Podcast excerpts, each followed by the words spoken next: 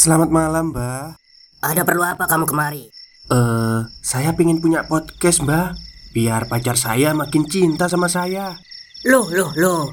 Mau bikin podcast kok tanya dukun? Sekarang kamu download aplikasi Anchor.fm. Di situ kamu bisa buat podcast gratis dan podcast kamu bisa didistribusikan ke platform mana pun. Dan di aplikasi atau website Anchor.fm juga terdapat fitur-fitur yang memudahkan kamu untuk membuat podcast. Oh, gitu ya, Mbak.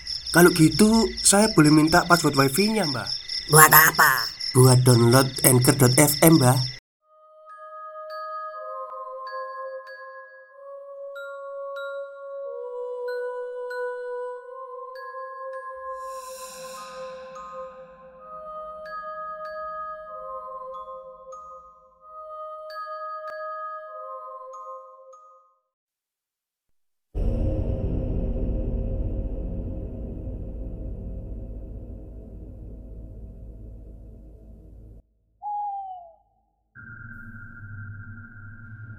Assalamualaikum warahmatullahi wabarakatuh.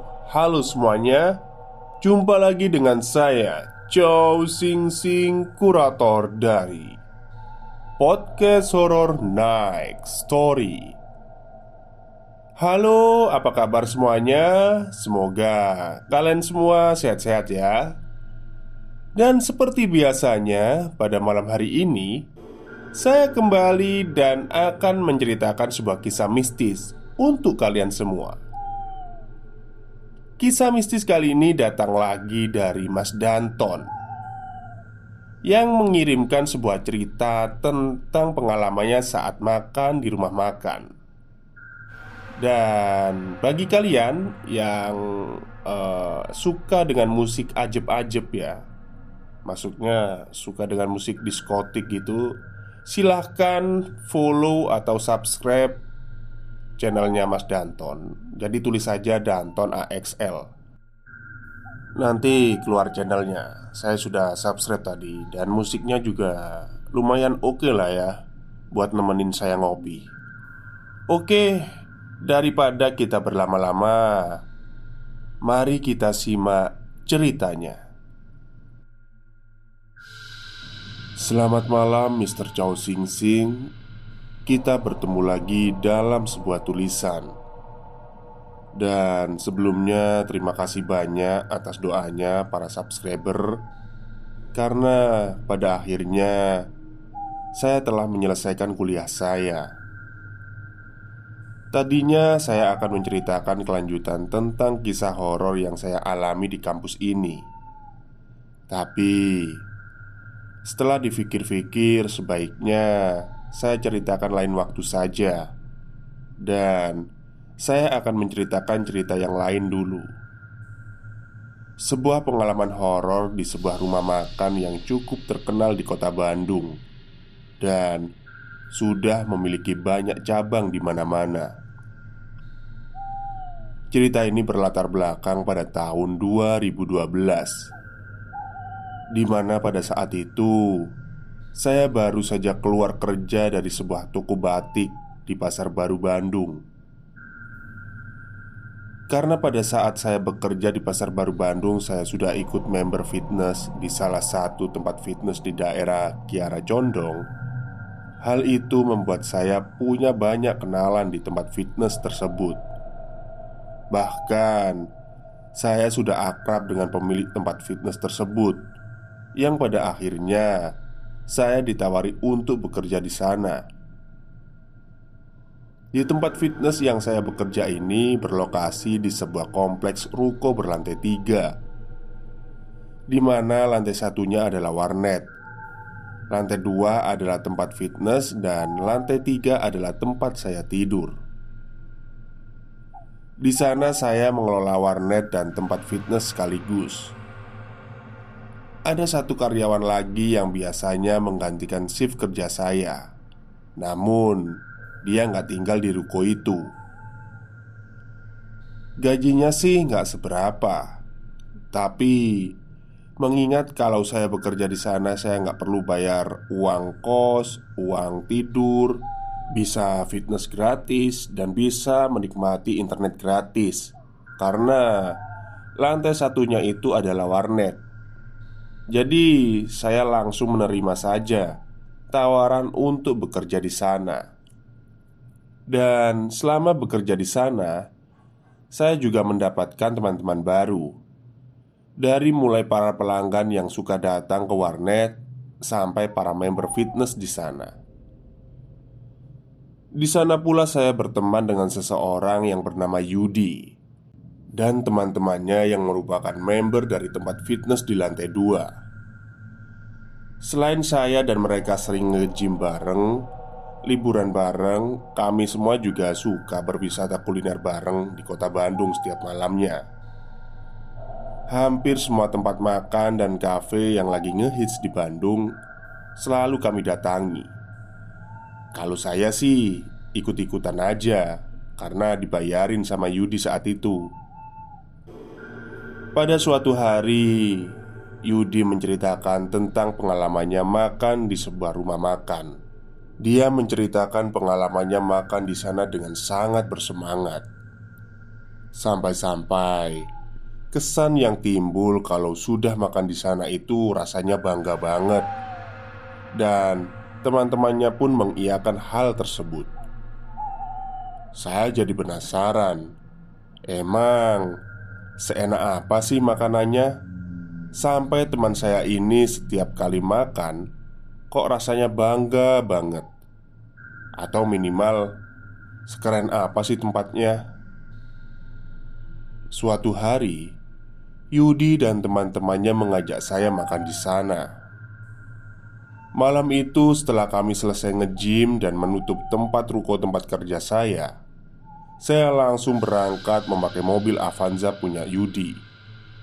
Kami berangkat jam 9 malam, dan benar saja, setelah sampai di depan rumah makan tersebut, rumah makan itu ramai banget. Saking ramenya, kami harus rela mengantri di sepanjang jalan untuk bisa makan di sana. Setelah setengah jam, kami semua mengantri. Akhirnya tiba giliran kami untuk masuk. Saya nggak tahu apa namanya konsepnya ini, tapi rumah makan ini mengharuskan kita memilih sendiri menu apa saja yang akan dipesan dengan meletakkan di sebuah piring untuk kemudian digoreng lagi dan dihidangkan di meja kami. Saya sendiri memilih nasi hitam, udang, dan cumi yang sudah ditusuk-tusuk seperti sate, serta cah kangkung untuk saya makan. Setelah 15 menit menunggu, akhirnya makanan kami pun tiba di meja kami. Terlihat Yudi dan teman-temannya sangat bersemangat sekali untuk segera makan makanan tersebut Dan semuanya berkomentar Aduh, enak banget ini makanannya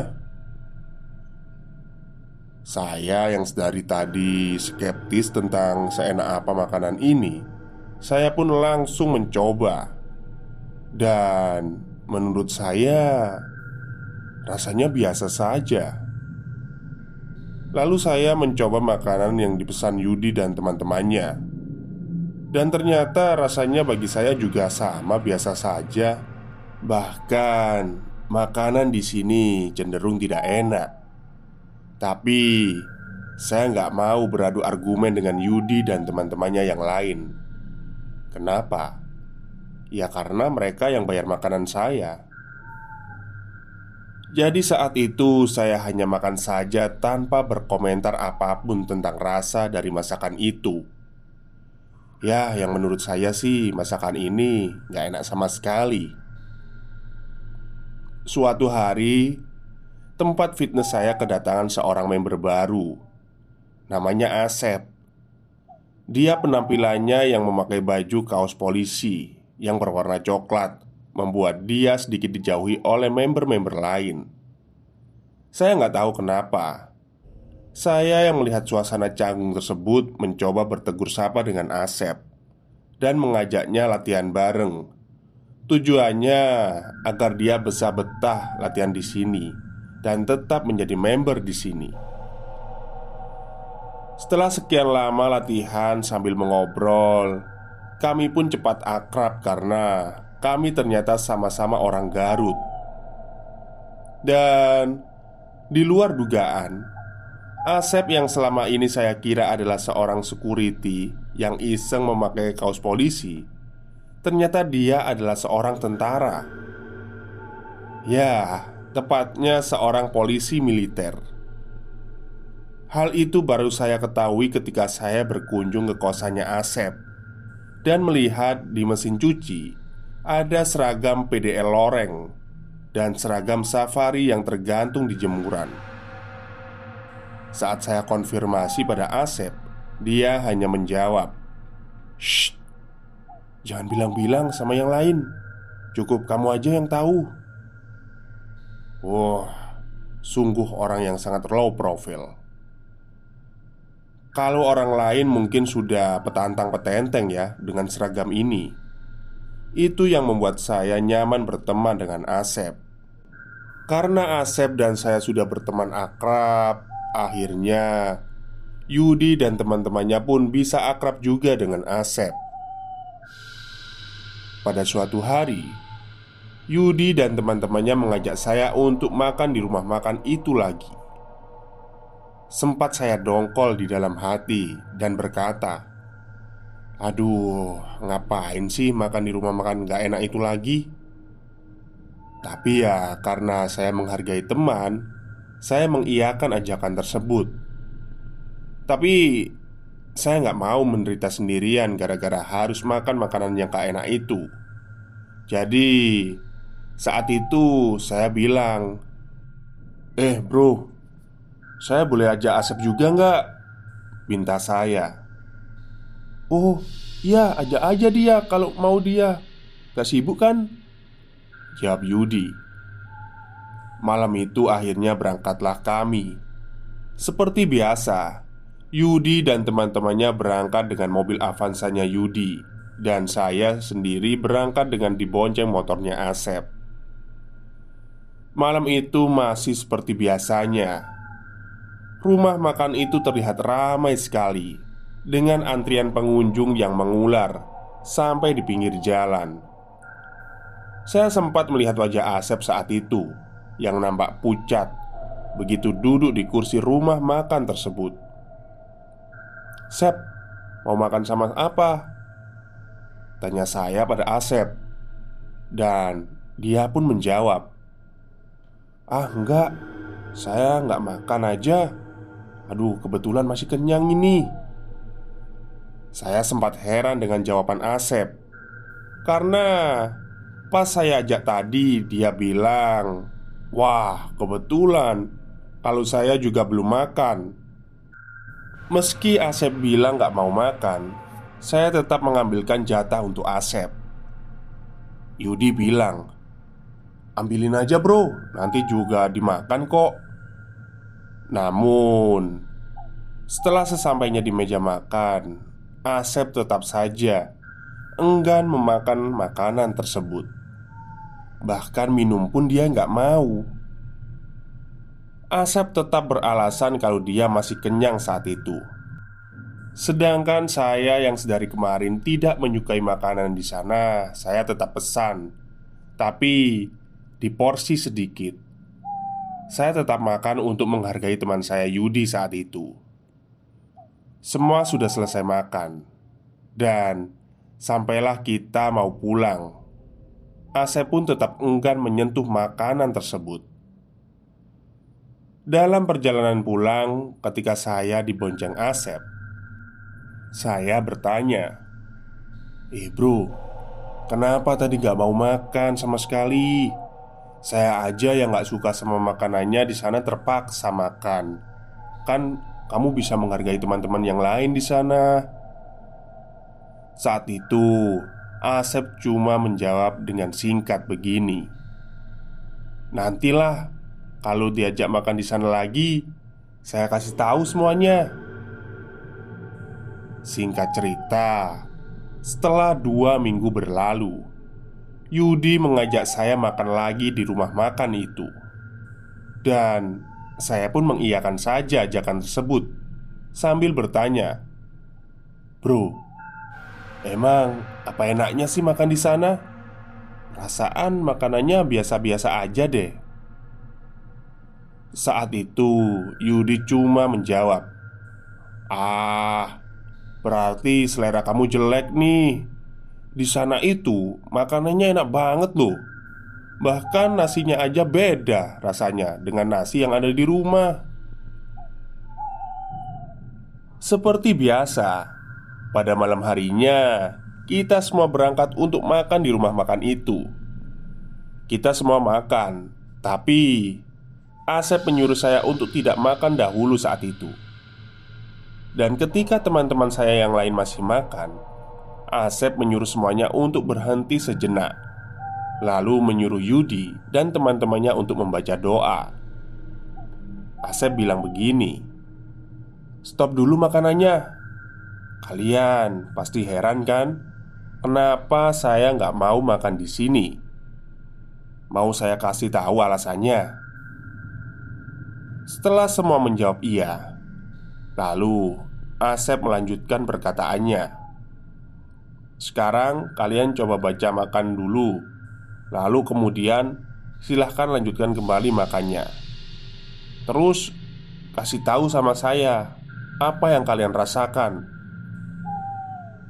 Yudi dan teman-temannya berdoa Lalu kemudian melanjutkan makannya kembali. Dan Baru saja di suapan pertama Mereka semua langsung memuntahkannya lagi. Loh, kok Rasanya jadi basi ya? Kata Yudi. Iya Kok rasanya jadi nggak karuan gini? Sahut teman Yudi yang lain Melihat reaksi mereka Asep hanya tersenyum Sambil bilang Bagaimana? Masih mau dilanjutkan gak makannya? Yudi dan teman-temannya kompak menjawab tidak Stop, stop Kita break sebentar jadi gimana? Kalian pengen punya podcast seperti saya? Jangan pakai dukun Pakai Anchor Download sekarang juga Gratis. Kemudian Asep berkata Nah, sekarang saya akan kasih tahu kenapa rasa makanannya enak. Kemudian Asep membuka resleting tasnya dan mengeluarkan daun salam kering dari dalam tas. Kalian ambil daunnya satu orang satu, kemudian tutup mata kiri kalian dengan daun salam ini. Tahan dengan jari telunjuk, tapi ingat, apa pun yang kalian lihat nanti, jangan coba-coba lari dari sini. Cukup diem aja dan pura-pura nggak tahu. Setelah semua termasuk saya sudah melakukannya Alangkah terkejutnya kami semua Melihat banyak sekali makhluk aneh Yang sedang hilir mudik di sana Mereka meludahi setiap makanan pelanggan yang ada di meja setiap tamu Ada yang berbadan wanita telanjang Tapi berkepala monyet Ada yang menyerupai monyet tapi bulunya lebat sekali serta mulutnya menganga. Ada juga yang seperti manusia, tapi badannya nggak utuh, seperti bekas terlindas truk. Nggak cuma sampai di situ saja, bahkan kami juga melihat pocong di setiap sudut ruangan, dan salah satu pocong itu ternyata sedang meludahi makanan kami di meja. Melihat itu, kami refleks kaget dan langsung berdiri. Tapi Asep langsung menyuruh kami semua untuk duduk kembali dan melepas daun salam kering yang menutup mata kiri kami. Setelah daunnya dilepas, semua sosok aneh itu mendadak hilang. Kemudian, Asep menyuruh kami semua untuk meremas daun salam itu dan membuangnya ke makanan di piring. Setelah Yudi dan teman-temannya melakukannya, mereka semua langsung berlari keluar rumah makan. Melihat itu semua, Asep hanya tersenyum sambil bilang ke saya, "Tenang aja, mereka paling juga mau muntah di luar." Asep kemudian membayar makanannya, dan kemudian bersama saya pergi menyusul keluar. Dan benar saja, ternyata Yudi dan teman-temannya sedang muntah di tempat parkir mobil. Malam itu kita nggak langsung pulang Tapi lanjut ngopi terlebih dahulu Sambil makan perkedel Bondon Yang berlokasi dekat dengan stasiun kereta api Bandung Di sana Asep menceritakan Kalau pemilik rumah makan tersebut menggunakan penglaris Dan biasanya Penglaris model tersebut mengharuskan salah satu dari anaknya untuk dilahirkan cacat ketika dilahirkan. Dan dia juga bilang, di mana pun kita makan, sebaiknya kita berdoa terlebih dahulu. Selain sebagai bentuk tanda syukur kepada Tuhan, juga agar kita selalu mendapatkan perlindungannya. Sekian cerita pengalaman horor saya yang saya dapatkan pada malam hari ini. Lain waktu, saya akan ceritakan cerita saya yang lainnya. Bagi yang percaya, silahkan, dan bagi yang tidak percaya, ya Anda bisa menganggap cerita saya ini sebagai dongeng sebelum tidur. Cerita ini saya tulis spesial atas permintaan salah satu subscriber Mr. Chow Sing Sing yang bernama Teteh Eka Yuda. Oh, iya, iya, iya sekedar informasi Berhubung ada wifi tetangga yang nganggur dan gak pakai password Jadi akhir-akhir ini saya iseng membuat akun Youtube saya sendiri. Jadi buat teman-teman yang bosan dengan lagu-lagu melau dan galau Silahkan mampir ke channel Youtube saya Yang bernama Danton AXL di sana saya mengupload semua lagu-lagu koleksi saya. Dan di channel podcast Horror Next Story ini Saya akan menceritakan semua pengalaman horor saya. Selamat malam. Oke, terima kasih kepada Mas Danton yang kembali mengirimkan cerita mistisnya pada channel podcast Horror Next Story. Jadi Mas Danton ini temenannya sama Teh Eka? Atau ada hubungan spesial saya nggak tahu. Dan bagi teman-teman yang mau mendengarkan lagu ajeb-ajeb Silakan kunjungi channelnya Mas Danton Di Danton AXL Tulis saja saya udah ketemu kok Udah subscribe juga Baik, itu saja mungkin yang bisa saya ceritakan pada malam hari ini. Semoga kalian semua terhibur Selamat malam dan selamat beristirahat.